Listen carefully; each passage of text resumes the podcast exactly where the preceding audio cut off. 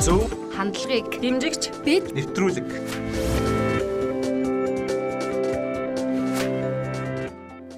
Оройн төргөө үзэгчтэй.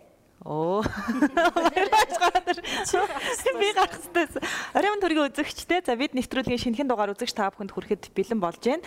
За өнөөдрийн бидний ярилцах сэдв болвол за шинэ үеийн биш технологи ба шинэ үеийн боловсрол гэдэг энэ сэдвээр бол ярилцах юм байгаа. Тэгээ өнөөдрийнхээ дугаарын зочноо үзэгч та бүхэндээ бас танилцуулъя. За 84 дугаар сургуулийн биологийн багш Алтан туяагч манаас оролцож байна. За тэгээд мөнгөн чимэг миний бие баярмаа агч за шишгэ. За удахгүй болвол зулаагч маань бас одоо орж ирэх байгаа. Тийм тэгээ бид нар өнөөдөр бол яг энэ сүүлийн үед бид нар яг энэ боловсролын салбарт бол технологиг ашиглах нь зөв юм а гэдэг энэ сэдвийг бол өнөөдөр жингөл бид бүхэн ярилцлаа. Тийм учраас ер нь одоо яг энэ боловсролын салбарт ямар технологи ашиглавал илүү үр дүнтэй юм бэ гэдэг өнцгөөс нас ярих юм байгаа. Тэгээд а дээрэс нь яг одоо 84 дугаар сургууль дээр бол яг энэ шинэ технологиг бол ашиглаад ингээ хичээлээ зааж явуулж байгаа сайхан одоо туршлага бий. Тэгээ тэр туршлагыг ч гэсэндээ бас үзэгчтэй танилцуулах юм байнамаа. За ингээд нэвтрүүлгийнхаа өмнө уламжлалт ёсороо өнөөдрөөр сонин сайхан юу байна? Өнөөдрийг юу хийж өнгөрөөлөө гэдэг энэ талаас ярилцах маань за хишгээгээс эхэлжээ тийм ээ. За юу хийв? За өнөөдөр бол миний хувьд хийсэн юм бол өнжлөө дөө гэдэг. Одоо тагсын тагсыг гэж. За өнөөдөр бол нөгөө бидийнхаа бас ямар сэдв сонгох уу гээл тэ сурвалжлага инээтерэ гээл тиймэрхүү ажлуудтай бол өндөр одоо өнжлөө дөө. Тэд нэг мэдгэдэл цагт олоо болцсон байна да. За. Баяр мэгчээр. За би ч бас хинтээ адилхан ялгаагүй өдөрсмийн ажиллаа хийгээл өдрийнхөө хэдэн мэдээний донд эргэлдээл дөнгөж 20 30 мэдээг гаргаж өгөөл тэгэл орж ирлээ. За өнөөдрийн сонио ачин гэвэл төрийн ордноор нөгөө саарл жагсаалтын асуудал яригдж үргэлжилж байна. Үндсэн хуулийн нэмэлт өөрчлөлтийг ярьж байна. За дээрэс нь төрийн ордонд хоёрч томоохон үйлдвэрлэлийн салбарын арга хэмжээ боллоо. Нэг нь их хурлын тамгын газар баялаг бүтээгч дэмжих холбоо хамтраад энэ салбарын бас тулгымцсан асуудлыг ярилцж байна. А яг одоо улсын төсөв хэлэлцэж байгаа бас намрын чуулганаар нэлээд олон энэ жидүү салбартай холбоотой хууль эрх зүйн баримтчгууд батлагдах ёстой. Тийм учраас энэ салбарынхны үгийг бол сонсож байна.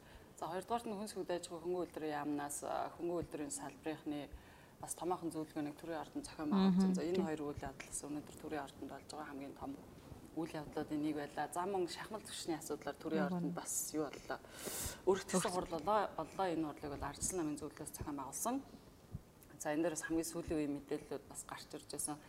Нийтдээ энэ 10 гаруй хоногийн туршид 530 гаруй иргэнэр шахмал түш төлөх үедээ угаартаж эмнэлэгт хүргэгдсэн, дуудлага өгсөн ийм мэдээ байна. За харамсалтай нь эндээс бол 8 хүн амьсаа алдсан. За эдгээрээс 4 иргэн нь угаартаж нас оржээ гэдэг шүүхийн эмнэлгийн шинжилгээ одоогор бол гараад байгаа юм байна. За гихмэт ийм шинэ мэдээллүүдийг өгч болохоор байна. За тэгээд үлдсэн одоо чухал цаг үеийн мэдээллүүдийг 2030-ын тод мэдээгээр үзэх хэрэгтэй. За яг би бас өнөөдөр өдөр тутмынхаа ажлыг хийгээд тиймэрхүү өдөр өнгөрлөө. Гэхдээ яг мэдээлэл хүрэх үүднээс бас одоо манайхан ч айгүй их ууланд аялдаг болсон. Тэгээд ер нь бол сүүлийн үед бас богд ууланд баавга мөр илэрлээ гэсэн мэдээллүүд байгаа. Тэгэхээр бол бас хаана ханаа сонор сэрэмжтэй байх хэрэгтэй. Ер нь бол бас нөгөө баавга бол Сэлэнг аймгийн нутгаар хинти дорн орнод гэсэн энэ утгуудаар бол бас айлын хот руу орж исэн юм тохиолдлууд байгаа хүнж барьж идсэн юм тохиолдлууд байгаа учраас сонор сэрэмжтэй байгаасаа гэдэг үднээс энэ мэдээллийг бас хүргэж байгаамаа. За ингээд алтан туяа багшаар сайн сайхан юутай байна. Барайм төргий. Барайм төргий. За миний хувьд өнөөдөр бол хичээлээ заагаад тийм ажиллаа эхэлсэн. За тэг хичээлээ заасны дараа бид нар дараагийнхаа хичээлд бэлддэг. За ийм ажлуудаа хийж өнгөрүүлсэн байгаа. За одоо хэдүүлээс үндсэн сэдвтэ оръё. Ерөнхийдөө дэлхийн боловсролын чиг хандлага хаашаа яваад байгаа юм бэ? Одоо энэ чиг хандлага та бид нар бас Монголын боловсролын систем арга барил бол хүл нийлүүл алхах ёстой гэдэг энэ үнцгийг бол бас барьж байгаа тийм ээ. Тэгэхээр ерөн зүгээр дэлхийн чиг хандлага хаашаа яваад байгаа юм бэ гэдгийг бол би саяхан нэг нийтлэлээс уншсан. Ерөн зүгээр юу юм бэ лээ дүрслэн үзүүлэх байдлаар хүүхдэд хичээлээ заах нь илүү сонирхолтой. Хүүхдүүдийн гол нөгөө тогтоолтод илүү үлддэг юм байна л да. Ерөн зүгээр яг энэ дээр нэг судалгаа хийлгэхэд хараа ийм юм байна. Хүн биш дээ ингэдэг гинэ. Мэдрэхүүн эрхтнэрээ мэдээллийг бол сайн тэг хүртэж ингэж авдаг. Тэгсэн хэрнээ ер нь бол ойлгож тогтоож сандаг юм байна л да. Ер нь зүгээр хүн ярьсан тохиолдолд бол ерөөсөө 2.20 2.8 секундэд л яадаг гэнэ тогтоодог юм байна. А гол нь өнгөт зурагт юм уу те тэдрийг үзсэн тохиолдолд 0.9 секундэд аягүй хурдан тогтооход авчдаг. А ер нь кино болон телевизээр гарч байгаа зүйлийг болохоор 0.7. За бодит байдлаар үзүүлсэн нь болохоор 0.4 секундэд хүн ингэж тогтоод авах ийм одоо чадвартай байдаг юм байна мэдрэхүүгээрээ тийм ээ. Тэгэхээр ер нь яг өнөөдөр бол бид нар хичээлийг одоо хуучин арга барил багш самрын өмнө гараад ярьдаг биш тийм ээ. Арай илүү одоо дүрс бичлэгээр үзүүлэгч байт юм уу? Эсвэл бол одоо нэ бодитоор ингэж харуулдагч байт юм уу те яг ийм өнцгөөс нь заах юм бол хүүхдүүд илүү хичээлдээ дур сонирхолтой болоо дээрэс нь маш хурдан тогтоож авдаг эргээд мартдаггүй юм байна. Ер нь зүгээр би ч гэсэндээ бас яг тэгэж бодож исэн. Саяхан нөгөө одоо энэ ихтэй сургуулиуд чинь бас ерөөхдөө нэг багш оюутнууд хоорондоо ярилцдаг. Дээрээс нь ийм нөгөө нэг кейсүүд дээр одоо тийм Харвардын сургуулийн кейс ч юм уу тийм кейсүүд дээр ажилладаг учраас илүү бас үлддэг юм билээ яг тийм юм дээр нэг багаараа ажиллаа суухаар тэгэхээр би бас бодож ирсэн юм ер нь бол боловсролын систем бас нэг яг технологитойгоо ингэж хүл нийлүүлж халахах хэрэгтэй юм байна. Тэрнийхээ хэрээр бол бид нар бас илүү одоо нэг сургалтын дэвшил бол бас илүү гарч ирэх юм байна л гэдэг ийм зүйлийг бол бас ойлгож авсан. Тэгээ Алтан туяа агшаас асуу ер нь 84 дугаар сургууль чинь Монголд анх удаа энэ одоо 3D хичээл гэж хэлгүү тийм ээ 3D хичээлийг бол бас нэвтрүүлсэн ийм бас сургууль болсон байгаа. Тэгэхээр энэ хичээлийн онцлогийн талаар та бас эхлээд түүхгүй. Ерөнхийдөө манай 84 дугаар сургууль бол 2008 оноос эхлээд бол цахим сургууль болсон. Монгол Улсын хэмжээнд бол одоо анхны цахим сургууль байгаа. Тэгээд ерөнхийдөө манай сургууль бол одоо энэ IT-ийн технологиг өдөр тутмын үйл ажиллагаанд ашиглаж одоо ирсэн юм сургууль. За тэгээд бид нар гэхэд одоо сургалтандаа үйл ажиллагаандаа IT-ийн техник технологийн төвшлийг цахимыг бол ашиглаж байна. За тэгээд хичээл заах дээр ярих юм бол ерөөхдөө хүүхэд бол хичээлийн тэр 40 минут л бид нар нэг хичээлийг заадаг л да. Жишээлбэл биологийн хичээлийг 40 минут заахад бол бид нар бол эхлээд хүүхдэд хамгийн гол нь онлын мэдлэг өгөхдөө биш өрдөө сэтэл төрүүлэх орчин үед бол багш өрөөсөө тэр шинжлэх ухаанд дуртай болох юм л ажлыг хийдэг болсон ба. За тэгээд бидний хувьд бол ерөөл 40 минутын эхний ерөөсөө тэ 5-аас 10 минутанд л ерөөхдөө хүүхдэд одоо сонирхлын татах тий ийм одоо бичлэг эсвэл бодиттой байдлаар үзүүлэх тэр хүүхдэд одоо гэрте очиод тэр зүйлийг сонирхох, хийх, судлах ийм сэтлийг төрүүлэхээр л одоо энэ IT-ийн техник технологийн төвшлийг бол ашиглаж байна. Урд нь та бүхэн биологийн хичээлээр та жишээлбэл ямар аргаар заадаг байсан бэ? Одоо зааж байгаа аргатай урдны аргыг харьцуулахад түрүүний мөнгөгийн хилээд байсан шиг тэр зүйл яг анзаарэгдэж байна уу? Тий, ерөнхийдөө бол маш их анзаарэгдэг. Сургалтын чанар ч гэсэн одоо өөрчлөлт гарч байна. Жишээлбэл одоо бид нар бол өмнө нь бол зүгээр хавтгаа дээр байгаа зургийг ч юм уу үзүүлж харуулж эсвэл одоо тий нэг ховор амьдтыг ч юм үзүүлэх боломжгүй тийм одоо зүйлсийг зүгээр зураг хэлбэрээр л ингээд одоо хавтгаа дээр байгаа харуулдаг гэсэн. Одоо бол жишээлбэл хүний дотоод хэрэгтнүүдийг ч юм уу бүр зүрхийг ч юм уу 3D хэлбэрээр одоо харуулах юм бол хүүхдүүдэд илүү их сонирхолтой. Нэрээ яг бидний биеийн дотоод бүтцүүл ийм байдаг юм байна гэдгийг бол одоо тий шууд бодитоор харах юм боломжтой. Тэ энэ нь бол эргээд тухайн хүүхдэд одоо сэтэл төрүүлээд ингээд одоо тий тухайн хичээл дуртай болгох мөн одоо ирээдүйд одоо өөрийнхөө тий мэрэгжлийн эхлэлийг тавих эсвэл одоо тэр зүйлийг одоо сонирхож судлах мэдлэгээ нэмэгдүүлэх юм одоо эхлэл болж байгаа. Би одоо би жишээлбэл нөө түн бодис гэдэг авто хацтай. Тийм намаар аа. Тийм. Тэгээ одоо би бодлоор тэр түн бодисоос биологи хичээдээс миний толгойд үлдсэн баг л алга. Манай биологи маш үзчихээ дууссан. Өөрөө боос орж байсан. Гэж л бодоод. Одоо зэрэг тийм. Одооных шиг 3D юм болчих чинь баг кино болчих юм шиг тийм. Тийм. Тэгтээ тий. Ер нь л хичээлийн бол 40 минутын айл үед нь тэр бичлэгээ айл үед нь одоо тий амлын юм заах вэ гэдгээ бол багш одоо арга зүгээр шийддэг. Гэхдээ ерөнхийдөө сүүлийн үеийн сургалт бол эхлээд хүүхд таамаглаж байна. Ямар байдаг бол тий дараа нь туршиж үзэж байна. Тэгээд дүгнэж байна ийм одоо үе шатуудтай ерөөхдөө хичээл 40 минутын хичээл бол явагдаж байна. Аа ерөнхий боловсролын сургуульд бол онлын одоо том мэдлэг өгөхийг ерөөсөө зорхоо болсон. Одоо ерөөсөө л те тухайн хүүхдэд сэтэл төрүүлэх, турших, тэ дүгнүүлэх, тайлбарлуулах, өөрөөр нь ажилуулах ийм аргуудыг бол төлхөө хэрэгжилж байна. Жишээ нь одоо нөө газар зүйн хичээл дээр гэхэд л одоо нарны аймагуд гэхэд те шууд ингээд харуулж харагд. Одоо ингэж харагдт бодтоор ингэж харагдаж байгаа. Тэгэхээр нөх хүүхдийн ой санамжид үлдэх байдал нь илүү байдаг. Сонсон зүйлээ эсвэл те ярьсан зүйлээ хүүхд илүү одоо нэг тогтоохоос илүү харсан зүйлээ өөрөө хийсэн зүйлээ илүү тогтоодог. Тийм учраас одоо энэ те боддоор харсан эсвэл өөрөө туршиж утсан зүйлээ хүүхдэд илүү тархинд мэдлэг болж үлддэг.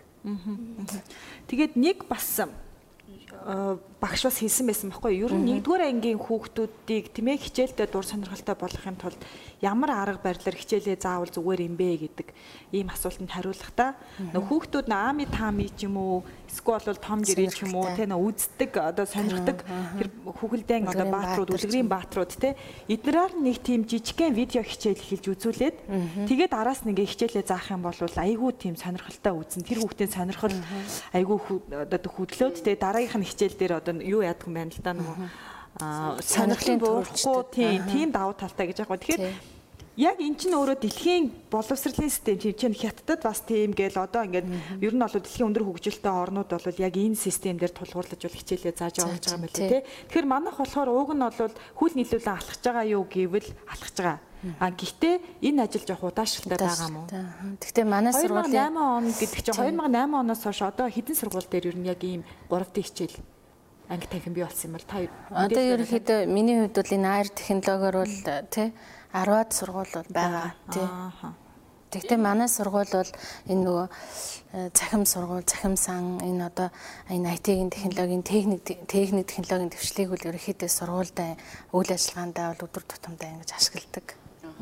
Энэ бол одоо маш том дэвшил шүү дээ. Сая бол зүгээр кино үзэж байгаа юм шиг л байна шүү дээ. Тэр энийг ялангуяа дунд ангийн хүүхдүүд, бага ангийн хүүхдүүд яг ийм хэлбэрээр хичээл орно гэдэг бол маш үр дүнтэй санагдаад байна да. Энэ одоо хэр их төсөөр э, хийгдсэн ажил вэ?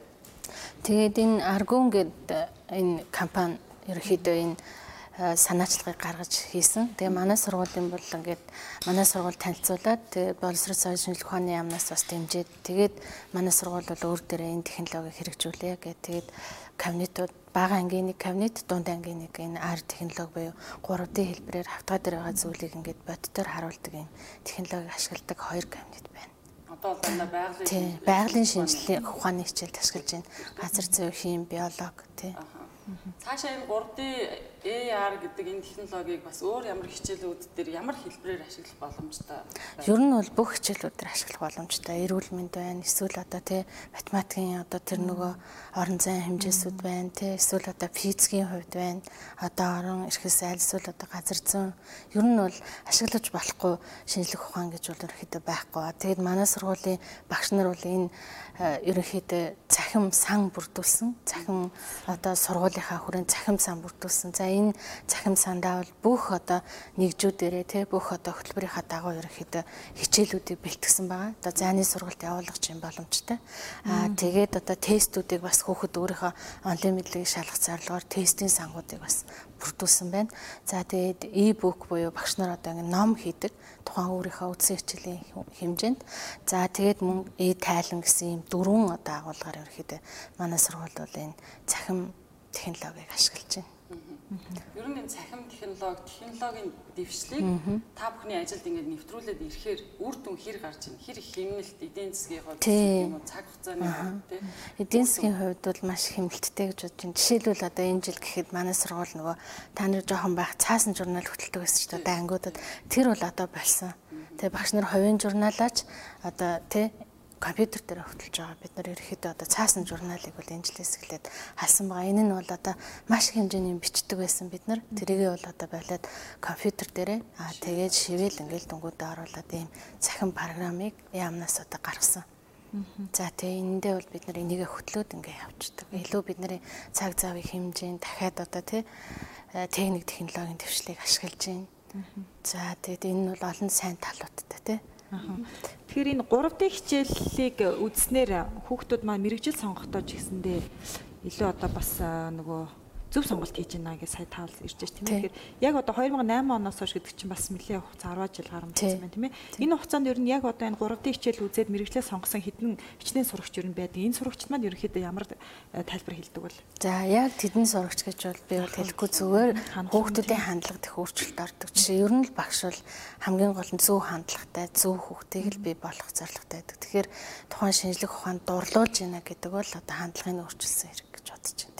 Жишээлбэл хүүхэд тухайн шинжлэх ухаанд дурлах юм бол тэрийг сонирхох өшөө цааш нь судлах юм одоо тий зорилготой болчдөг. Тэгэхээр тэрүүгээрээ одоо мэрэгжлээ сонгоо ингэ явждаг. Алсын зайн сургалт гэж яриад байгаа ш тийм ээ. Одоо дөнгөж цаас багш маань хэлээд өнгөрч байна.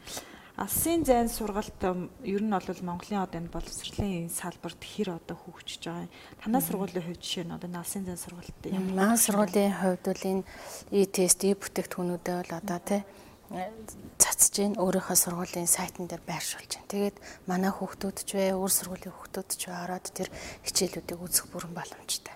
Тэр хичээлийг үзснээрээ болов тий энийг би ойлгоогүй юм байна. За эндээс би энийг сурчээ гэдэг. Одоо хүүхдүүд бол онлайнаар ерөнхийдөө бүр их сургууль төгсч байна шүү дээ. Тэгээ орчин үед бол тэгэхээр энэ ирээдүйд бас одоо жишээлбэл их сургуульд орлоо гэхэд хөдөөний хүүхдүүд бол нэгдүгээр курстэй нэлээд одоо хэцүү байдаг, хөл алддаг. Яадаг вэ гэхээр техник технологийн төвшлийг хэрэгэл сураагүй гэсэн болоод одоо хичээлээ сонгох, цагаа сонгох, хуваараа гаргах, багштайгаа даалгавар авах тэр болгон бол одоо ерөнхийдөө онлайнаар явагдаж шүү дээ. Тэгээд энэнд бол бас манай сургуулийн хүүхдүүд бол маш сайн бэлтгэгддэг.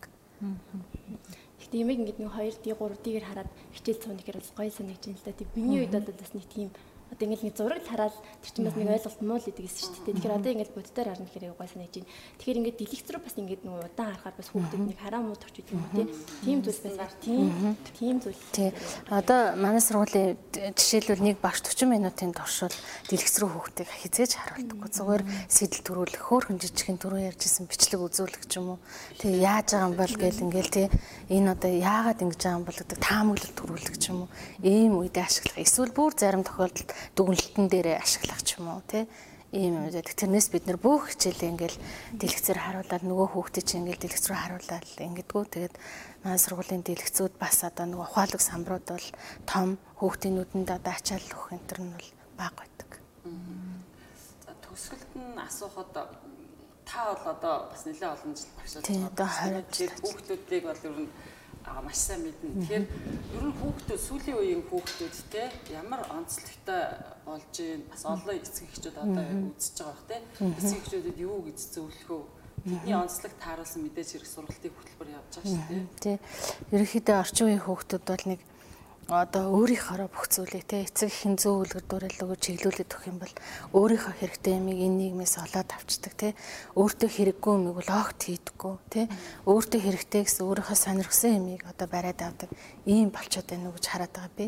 Миний хувьд бол тэгээд ерөөхдөө орчин үеийн хүүхдүүд бол эцэг ихэн л зөв үлгэр дуурал өгж багш зөв чиглүүлж байвал цаашдаа болохоор байдаг. Гэтэл одоо нөгөө эцэг их нь гэрт нь очиход ингээл товт орон зайн хувьд ингээл одоо тий боломжгүй хаалттай уцаа оролдоо суучдаг ч юм уу ийм байх юм бол одоо хүүхэд бол цаашдаа хөгжих боломжгүй болчиход байгаа. Эцэг их бас маш их дэмжих хэрэгтэй байна. Хүүхдүүдэд тий юу сонирхоод байгаа, юу яриад байгаа, юу дурт, юун туртай байна.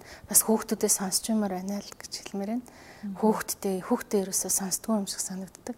Орчин үеийн тий ажил ажил гэж ярьж очиад тий. Аа хүүхдээрээс ойлгодгүй юм шиг санагддаг. Тэгэхээр ер нь хүүхдтэйгээ аль болох цаг гаргаж тэгээд бас тий эцэг их бол хүүхдийн тойл байдаг. За тэгээд бас ерөнхийдөө ерөнхий боловсролын сургуулиуд бол ингээд багш эцэг их сурагч гурван дунд бол гэрээ байгуулдаг болсон. Тэгээд эцэг ихийн журамт үүрэг гэж байдаг. Тэгээд тэр үүргээ эцэг их маш сайн биелүүлж явах хэрэгтэй байна л. Орчин үеийн хүүхдүүд бол одоо маш их тий техник технологийн дэвшлийг бол дор нь ашиглаж байна тий. Тэрийг бол маш соргоор хүлээж авч байна. А гэтэл бол гэрт нь очиод хийх бүрэн боломж бас төдийлөн байна уугүй юу тий гэж харагддаг. А гэтэл зарим нь бол ерөөсө тэрэнд нь хяналт тавьдгүй бүр хайцсан ч юм уу ийм байдаг. Тэгэхээр бид нар бас цахим орчныг хитрхи хязгаарлаж болохгүй юу? Хитрхи бас хязгаарлахгүй гэхдээ зөв хэрэглээг л одоо тий зөв хэрэгэлдэг л юм иргэн болох хэрэгтэй. За баярлалаа. Өнөөдөр хүрэлцэн ирж бид нарт бас маш сонирхолтой мэдээлэл өгсөн танд баярлалаа. Тэгээ маш олон эцэгчүүд таны яриаг сонссон байх. Бас манай боловсролын чиг хандлага, заах аргын чиг хандлага хамгийн гол нь хаашаа явж байна. Технологийн дэвшлийг монголчууд яаж ашиглаж байна гэдгийг харж авсан баг. Энд дээрс бидний бас хамгийн гол ойлгох зүйл бол үнэхээр бас хүүхдүүдээ энэ орчиндөө танилцуулах хэрэгтэй юм байна бид нар өөрсдөө ч гэсэн мэд хэрэгтэй юм байна. Яг үнэ. Хитрхи хоригдж бас болохгүй юм байна тий. Олон зөв зохистой. Зөв зохистой ашиглах тий. За баярлалаа. За ингээд үзэгчтэй хэсэг хугацааны дараа бид нэвтрүүлэг манай үргэлжлэн та бүхэнд хүрнэ.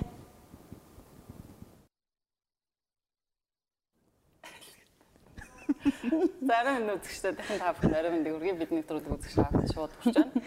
За өнөөдөр бид э, технологи ба шинэ үеийн боловсрал гэдэг маш том сэдвээр ярилцж байна. За нэвтрүүлгийн эхний хэсэгт бид 84 дугаар сургуулийн биологийн багшийг урьж тус сургуульд одоо технологи ямар шинжилэл хийгдэж байгаа талаар ярьсан. Тэгэхээр 84 дугаар сургууль ганцлаа.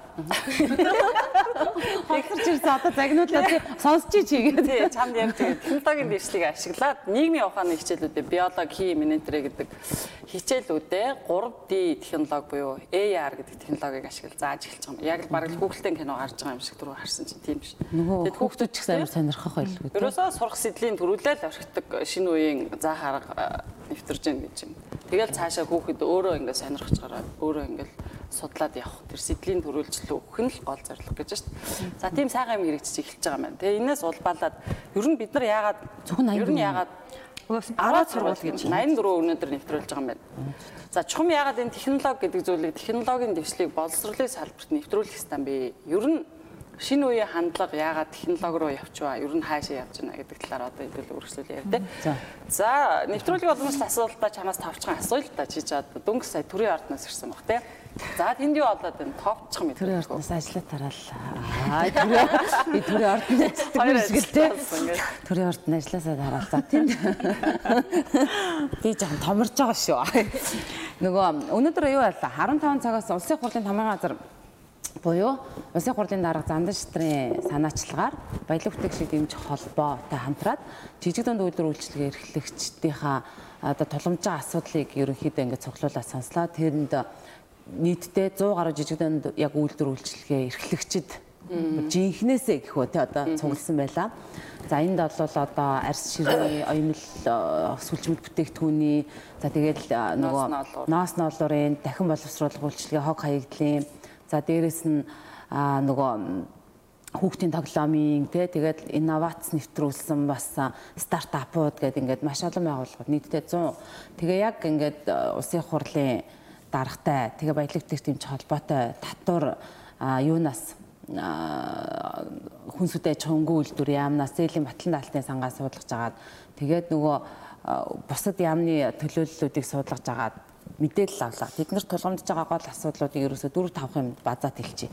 Бид нар улсын хурлын дараагаас ерөөсөө ийм л юм хүсэж байна. Нэгдүгээрт доктортой хөгжлийг хүсэж байна засгийн газрын үйл ажиллагаа доктортой баймаар байна. 1.8 жил засаг барьж байгаа засгийн газарт юу ч хэрэгжүүлж чадахгүй байна. Өнөөдөр нэг засгийн газар нь өрхийн үйлдвэрлэлийг дэмжинэ гэж ярьж исэн бол нөгөөх нь гарч ирэнгүүтээ одоо жижиг дунд үйлдвэрийг маш том болгоно гэж ярьж байна. Тэгээ яг алиг нь дэмжих гээд байгааг мэдгүй бид 3 жил болчлоо гэж ярьж байна. За тэгээд энэ төрийн хувьд ер нь доктортой байдлаа бид нарт ингээд зарлаач ээ. Тэгээд ингээд залгамж чанар айгүй сайтай баймаар байна. Тэгжиж бид нар юм ойлгомоор байна гэж байна.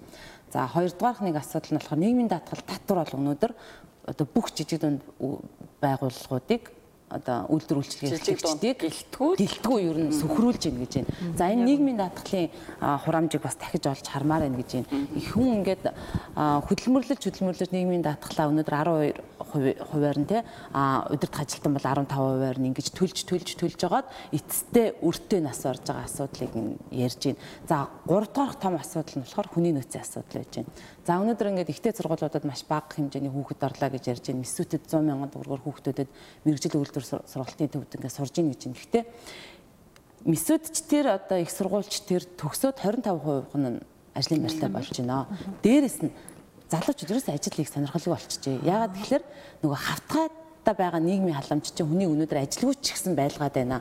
Нэг газраас өлсөж өгөхгүй. Нэг газраас гараад нөгөө газар руу ороход ажилгүйдлийн ажлаас гинт халагдсны төлбөр гэж мөнгө өгдөг. Дараа нь ажилгүйдлийн тэтгэмж гэж өгдөг. Энийг амьдраад ингээ хүмүүс чинь хоолой идэд ингээ амьдраад байна. Тэгэхээр ажлыг ямар сонирхол алгаа. Дээрэс нь энэ тэнд нэг халтур маягтай чаддаг мэддэг ажлаа ингэж хийчихэл ингээ гардаг. Хоёрдугаарт нь одоо ажлаас ингээ гарлаа л болвол те одоо ингээл байгууллага болгоноор ингээ ороо ажилласан. Тэгээд энэ дээр гоё гоё санаачлагууд бас энэ үйлдвэр үйлчлэг эрхлэл зөндөө хэлж байна. За тэгээд хамгийн сүүлийн юм нь юу вэ гэхээр аа одоо энэ татварын бодлого. Татварын бодлого ингээд зэгцэлж өгөөч ээ гэж юм тий одоо тэгээд гаднаас оруулж бидний үйлдвэрлэж чадаад байгаа ямиг гаднаас оруулж ирээд ах юм аа тий тэгээд тэд нар мэдээж хамаагүй хямдхан үнээр орж ирээд бидний үйлдвэрлэлийг ингээд аа маш олон зүйлүүдийг ярьжсэнээс нэг онцгой юм нь оёдлын оёдлын оёл оюумл сүлжмэл. Сүлжмэл одоо яг энэ бизнес эрхэлдэг хүмүүсийн маш их ажиллах хүч хятад руу гарч байгаа гэж байна өөр Монгол руу. За тэндээ очиод тэгээ яаж ийн вэ гэхээр хятад хүнтэй суучдаг асуудлуудыг бүр ингээд нэг уур ундрах компани захирал бүр ингээд ойдолчтойхоо араас яваад ингээд асуугаад үтсэн байна л да. Тэгсэн чинь тэн дээр зөвхөн тэр компани бараг 20 эдэн ойдолчдыг ингээд нээлж дараагаад өндөр цалинтай тэгээ тэнд нөгөө нэг Монгол дээлийг яг үйлдвэрлээд буцаад Монгол руу оруулж байгаа юм асуудлууд байна гэж байгаа байхгүй. За тэгээд энэ мэдчлэн одоо маш их зөв зөвтэй асуудлыг ярьлаа. Тэгээд Улсын хурлын тамгын газарт бас үйлдвэр үйлчлэгээ эрхлэгчид бол нэлээд талархаж байна. Яг ингэж одоо урд нь те хувь санаачлах одоо дээд байгууллага нь ингэж жижигдэн үйлдвэр үйлчлэгээ эрхлэгчдийг бол хүлээж авч уулзж ийсэнгүй гэж байна. За дээрэс нь улсын хурлын дарга яг ингээ бүгдийнх нь үгийг ингээ сонсчод бүгд нэг бүрдэнд ингээ хариу өгөөд ямар ерөн цааш бодлого баримталж ажиллахаа ингээд хиллээ. Тэгээ нилээ халуухан юм хилцүүлэг ярилцлага бас болсон. Тэгээд бүх одоо албаны хүмүүс бас өөрсдийнхөө авч хэрэгжүүлж байгаа бодлого үйл ажиллагааны талаар илтгэлээ тавиад цохих түвшний асуултууданд ингээд хариулаад ингээд явсан. За тэгээ хүний нөөцийн асуудлыг бол баг бүх байгууллагууд нэлээд орцоор ярьж байна. Ажлыг хүн олдохгүй байна гэж байна. Тийм үү? Хүмүүс ажил хийхгүй байна уу? Тийм шүү дээ. Саяхан бүх салбарт л байна гэж байна ер нь. Наад чи одоо яг л бид нар явж явж бидний өнөөдрийн сэдвтэй холбоотой бодлоо л да. Хүний нөөцийн хомсдол бүтээмжгүй хүний ажилтнууд те. Эн чи яг нөгөө боловсролын асуудалтай шууд очиж орж байгаа хгүй. Тэгээ манай боловсролын салбар хэр хүртээмжтэй хэр чадвартай одоо ажилтнуудыг мэрэгчлэнүүдийг бэлтгэж гаргаж байна вэ гэдгийг яг бодит жишээ нааж малж. За би өнөөдөр бас нөгөө нэг Айконы гурвалсан яриа гэдэг хэлэлцүүлгийг сонсоод тэрэн дээрээс яг сая зулагийн хэлсэн тоо баримт бас яг гарч илээ. Манай ихтэй сургууль төгсөгчдийн 25% нь гараад 6 сарын дотор ажилдаа болдог. Үлдсэн хувь нь 75% нь ажилд ордгоо гэсэн үг байхгүй юу? Дээд сургууль, ихтэй сургууль төгсөөд за ажилгүйчүүдийн нийт ажилгүйчүүдийн 40% нь дипломтой ажилгүйчүүд байна. Дээд боловсролтой гэсэн үг. Тэгэхээр энэ чинь одоо эмгэнэл байхгүй юу? Энэ чинь эмгэнэл. А тэгтэл эсвэргээрээ ямар тав байна вэ гэхээр манай Монгол Улсын хувьд ихтэй сургууль дээд боловсролын боловсрол эзэмших тэрэнд хамрагдалтаараа дэлхийн 140 орноос 29 дэх байрт ордог. Маш дээгүр ордог. А гэтэл тэр ихтэй сургуулийг төгсөөд гарч байгаа мэрэгжилтэй мэрэгчлэтнүүдийн ур чадварын хувьд 140 орноос дөнгөж 139-д ордог. Бүр ерөөсөө хамгийн сүүлийн байна. Ардаа ганцхан улстай. Тэгэхээр бид нар ерөөсөө дандаа л дипломны голуудыг л үйлдвэрлэж байгаа байхгүй юу? Ур чадвартай ажилтан биш. Тэгэхээр ийм ажилтан бол ямар ч нөгөө бүтээмжгүй байдаг. Бүтээмжгүй ажилтан бол ажилтныг ажилуулсан байгууллагын ажил ямар байх вэ? Тэр улс орны хөгжил ямар байх вэ гэдэг чинь ойлгомжтой шүү дээ.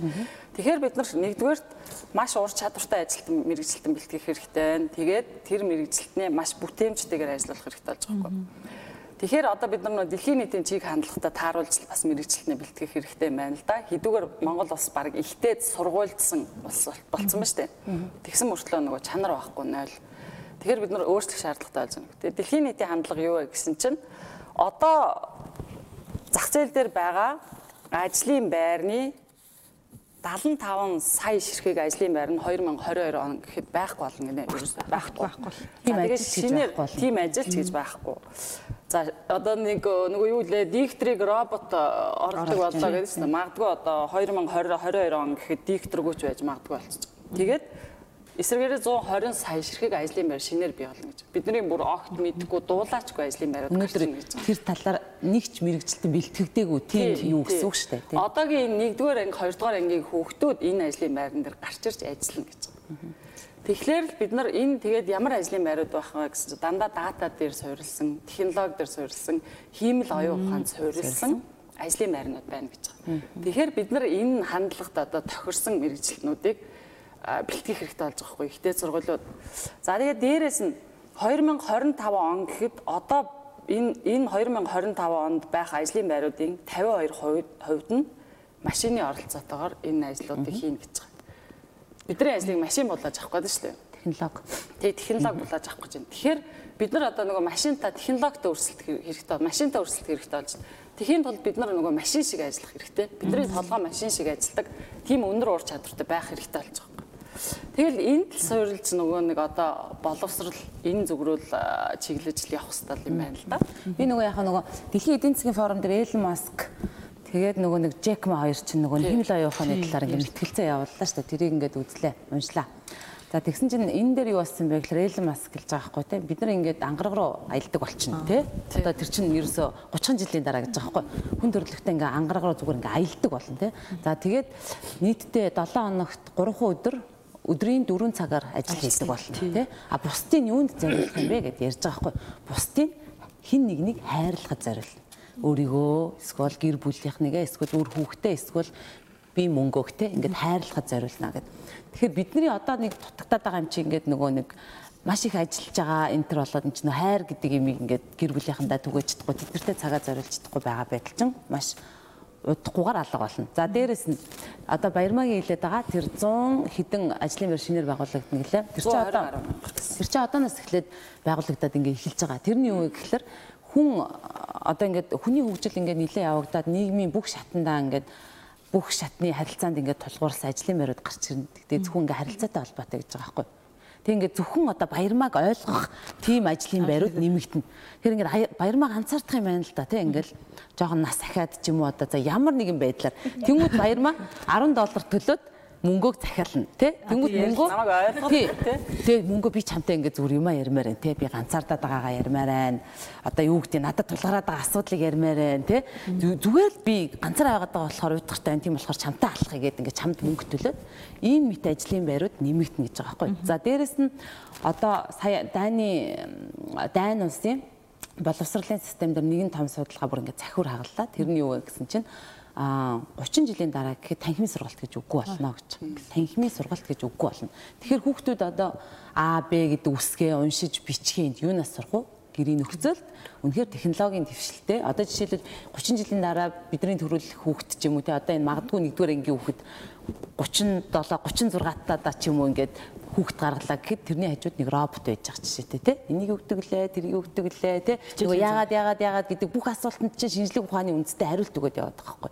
Тэнгүүд интернетээс авч эсвэл интернетээс авчиж болж байгаа байхгүй. Тэгэхээр ингээл одоо жишээл мөнгө бид нар ингэж хүүхдүүд яагаад яагаад гэдээ асуухлаар бид нар одоо жишээлбэл ингээд жоохон сэтгэлгүй хариулдаг эсвэл бол эцэг их нь боловсрал муугасаа олж буруу хариулт өгдөг. Нөгөө ээж би хаанаас төрсэн бэ гингүүд гидснээс гидснээс гээл цэцэгнээс навчнаас гээл ингээл явцдаг тий. Гэтэл тэрэнд маш их шинжлэх ухааны үндэстэй тэгтэйгээр хариулт өгдөг тэр хиймэл оюун ухаанууд чинь бүрдэнэ. А тэгээд мөнгөө нөгөө диктор гэдэг чинь бас яана ямар юм бэ? Гэх мэдчлэн дэлхийн өөрөө бүр тэр хиймэл ухаан одоо нөгөө жолоочгүй машин гараад ирлээ те. Uber дээр ингээд жишээлбэл такси барихад бид нар одоо ингээд жолоочгүй машин бидрийг ирж суулгаад ингээд хүссэн газар маань аваач идэх чинь ямар ч аваар осол байхгүй. Аваар ослыг урдчлаад бүр одоо тэр 89% та илүү мэдж зэддэг жолоочоос илүү ур чадвартай. За нэгтлэн бодогч ажил. За юу үлдэнэ гэж? Хамгийн үлдэх юмнууд нь Зөвлөгч юу? Гүй ээ, совигдогч чи уучлаарай. Чи зөвлөгч чи өнөөдөр тийм тэр хааш хаашаага 1 см-ийн юутай өнөөдөр нөгөө нэг юм юу лээ нөгөө юм жижигхэн юм нөгөө нэг жом шиг тийм робот гарцсан байна харсан уу? Япон өнөөдөр технологи нэвтрүүлж эхэллээ шүү дээ. Энэ нөгөө хүний биеинд орохоор өнөөдөр ингээд хагалгаа юм гэж байгаа хгүй мис ажил бүр юм. За тэгэхээр уучлаарай хагалгаа нөгөө нэг вирус тээдэг гэдээ бас нотлогдчихлаа гэдээ өнөөдөр хэллээ шүү. Тэгээд тэр одоо жишээл ингэн заяа. А тэнгууд ямар юулдэх вэ гэхээр хүний сэтгэлийг хөдөлгөж чаддаг зүйл бол урлаг гинэлтэй тэгээд урлаг л үлдэнэ. За тэгээд бүгдээрээ дуучин болъё.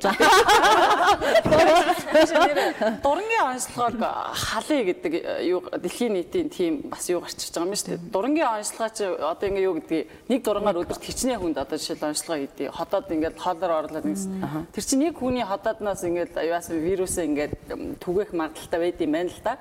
Тийм учраас энийг халъя гэдэг бас тийм уриал гарч байгаа юм байна. А тэрнээс гадна одоо нөгөө хүргэлтийн үйлчлэгээ манай зэслээд байна. Тэгсэн чинь өнөөдөр нөө Виржиниа мужид чинь дроноор хүргэлт хүргээд уучлаарай. За тэгэл ингээл нөгөө хүний хөдөлмөрч хөдөлмөрийг чинь машин, дрон, юу гэдэг робот ингээл гүйцэтгээд эхэллээ шүү. За гэтэл бид нар дэлхийгээс асар их хоцорчээ. Тэгээ өнөөдөр жишээл 6 дугаар ангийн хүүхдүүд гар дээр ном байхгүйгаас болоод те нэг нэг рүүгөө уцтаж одоо ном аваад. Уцнаас хараад хийгээд юм л та манай хүүхэд. Тийм харин тэгэхээр бид нар ч одоо ингээд нөгөө дэлгэх эцсийн хувьд ингээд хүүхдийг одоо хідэн цаг дэлгэцийн урд байх бай бай гэдэг чи одоо ингээд бас нөгөө шинжлэх ухаанаар ингээд нотлогдоод эн чинь нүдний хараа болоод бусаад сэтгэл зүй асуудал ингээд маш олон зүйлд ингээд нөлөөлж байгаа шүү дээ. Гэтэл яг тэр хичээлээ а цахим хэлбэрээр бүх ном чи интернетэд байдаг юм байна. Бүх одоо 6-аас дээш ангийн бүх ном. Тэгээд манай хүүхд яг ингээд яг компьютерийн урд суугаад ингээ хийхээрээ яг бүр ингээ 4 цаг суух хэрэгтэй болж байгаа байхгүй юу? 4 цаг дэлгэцээс хамааралтай байна гэдэг бол өөрөө бас ингээ амар хэцүү шүү дээ тий. Тийм. За гих мэдчлэн тэгэл яриа л байвал бас проблем. Түрүүн чи нөгөө ярьжсэн шүү дээ. Ерөөсө танхимын сургалт гэж байх байхгүй. Тэр чинь нөгөө нэг одоо байгаа одоо хэрэгжээд байгаа алсын зайн сургалт юм байна л да. Монгол орн чинь өөргөө удам газар нутгтай. Тэр болгон бас нөгөө сургууль сурч чаддгүй хүмүүс байдаг шүү дээ. Тэр нөгөө алсын зайгаар нөгөө бэлэг олдог. Тэгээд бид нараас нөгөө түрүү нэвтрүүлэлт орохоос өмнө ярьжсэн шүү дээ. Хүсгэл аймгийн билүү 10 жилийн сурагч нөгөө Америкийн томоохон сургууль тэтгэлгээр орох ирэх авсан шүү дээ. Сая хаваржангаа л ярьсан. Энэ хүүхэд гихтэл жишээлбэл бас л интернетээр нилээ их юу мэдээлэл олж авсан байхгүй тийм интернетээр хичээлээ үзсээр байгаа хацаар байгаа тэр Америкийн ингээд сургууль хийж байгаа хэлэх гэжсэн. Түрүү нөгөө баярмаа ингээд хэлчихэж нийт ингээд ихтэй сургууль сурагчдын 25% нь зөвхөн ажлын байртай болдог. Тэг эхний 6 сарда ажилд ордог. А тэгэнгүүт нөгөө чанаргүй төгсөгчд маш их байдаг. За тэгээд одоо энэ 20 одоо нэг жилд ингээд төгсөж байгаа нийт оюутны зөвхөн одоо 2% гэж аахгүй 2% нь а нөгөө ихтэй сургуулийн сургалтын чанараас үл хамаарч өөрөө одоо илүү их нөгөө хичээсэн гэсэн үг шүү дээ. Тэг хичээж одоо тэр гадны сургуулиудад сурцах боломжтой болоод дэлхийд өрсөлдөх боломжтой хүчин болж төгсөж байгаа юм л да Монгол улс. Тэгэхээр энэ нь болохоор Европуудад болохоор бүр 14% таа байдаг те дэлхийн зах зээл дээр гарч өрсөлдөхөд би хинбэ гэдэг хувь нь ингээд Европын ихэнх орнуудад 14% таа байдаг. Жишээлбэл Америкт ангаараа 32% таа байдаг гих мэтчлэн те ингээд Англид бол 28% таа байдаг гих мэтчлэн. Тэгэхээр ингээд яг эднийг ингээд харах юм бол сургуульд одоо олгож байгаа тэр боловсролын төвшин нь одоо дэлхийд өрсөлдөж байгаа одоо хүний нөөцийн хувьд зах зээлийн хувьд ямар эргэлтэнд орж ийн гэдгээс шууд хамаардаг юм. Тэгэхээр нөгөө Америкийн сургуулиуд маш ингээд нөгөө чагсаалтанд аягүй дээгүүр ордог. Дараа нь Английн сургуулиуд ордог ч юм бас тийм учиртай байна л да. Тэгэхээр манайх зөвхөн одоо нийт төгсөж байгаа төгсөгчтэйгээ 2% нь л өнөөдөр дэлхийн зах зээл дээр өрсөлдөх тийм боловсон хүчин болж байна. Тэр нь сургалтын системээс үл хамаарат гэж байгаа шүү дээ. Тэр чинь яг ихэнхдээ яг энэ хөвсгөл хөвсгөлөөс нөгөө том сургууль руу явдаг энэ хүүхдийн жишээ аахгүй. Өөрөө яг ирмэлцдэг. Аа энэ дээр нэг ийм юм ярьж ирсэн байхгүй юу? Одоо а ерхий бол биш яшин шалгалт гэдэг штэ тий эсвэл тэр ерхий шалгалт тэрэн дээр одоо нөгөө ер нь нөгөө хувийн сургууль төгссөн хүүхдүүд илүү өндөр оноо авдаг жил бүр ингээд нотлогддог. Тэгээ яасан бэ гэхээр нөгөө боловсролын систем нөгөө юу н арай өөр байгаа тийм нөгөө систем гэж хэлэх юм уу? А илүү их одоо хувийн сургуулиуд ч бол төлбөр мөнгөтэй байдаг учраас илүү их одоо шахтын байна тий тэгэл одоо бусад улс орнуудын тэр боловсролын системийг нэвтрүүлдэг юм байна. Энэ мэтчил ингээд а гол нь хөдөө орон нутаг ч юм уу эсвэл бол нөгөө зүгээр ерхий боловсролын сургуульд явж байгаа хүүхдүүд маань нөгөө уламжлалт арга барилаараа л ингээд явж байдаг. Тийм учраас эсэлтийн ерхий шалгалтын дээр ерхийдөө ийм сургалтын ялгаа ингээд айгу том гардаг юм байна л да. Тэгээ энийг одоо яаж засаж залруулах юм бэ гэдэг нэг ийм асуултанд тэр сан сургуулийн захирал хариулсан байгаа. Яах ёстой бид нар алсын зай сургалтыг илүү сайн хөгжүүлэх ёстой. Бүүр ингээд нөө боловсруулалтын системийг ингээд яг нэг шугамд оруулаад тэрийг ингээд яг захим хэлбэрт оруулаад ингээд одоо хичээлээ зааж чадах юм бол ийм нөө боловсруулалтын ялгаа бол тийм их гарахгүй гэж байгаа байхгүй.